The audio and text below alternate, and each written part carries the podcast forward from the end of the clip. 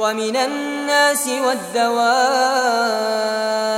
والأنعام مختلف ألوانه كذلك.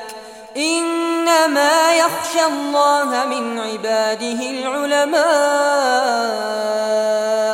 إن الله عزيز غفور. أي إنما تقع الخشية والخوف لله من العلماء. العلماء يخشون الله. من كان بالله أعرف كان منه أخوص ولذا بث الله في كتابه الكريم الآيات العظيمة التي تدلل وتعمق وتؤسس في قلوب البشر توحيد الربوبية. قل لمن ما في السماوات والأرض؟ قل لله.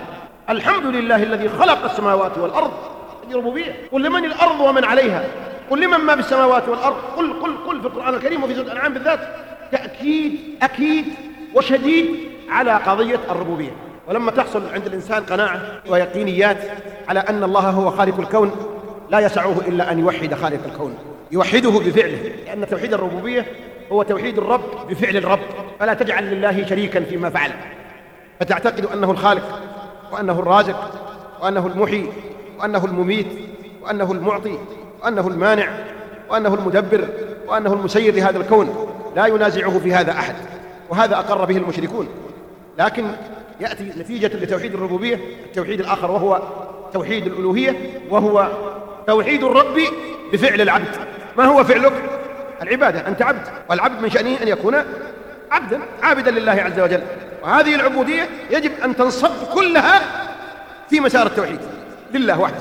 فكما وحدت الله بفعله ولم تزعم بأن مع الله خالق فلا بد أن توحد الله بفعلك فلا تصرف لغير الله شيئا من عبادتك وهو توحيد الألوهية. أن توحد الله بفعلك فلا تعبد إلا الله ولا تدعو إلا الله. ولا تذبح إلا لله ولا تنذر إلا لله ولا تستغيث إلا بالله ولا تستعين إلا بالله ولا تتوكل إلا على الله ولا ترجو إلا الله ولا تخاف إلا من الله. إيش رأيك من استقرت هذه القضايا في قلب الإنسان؟ كيف يكون توحيدا؟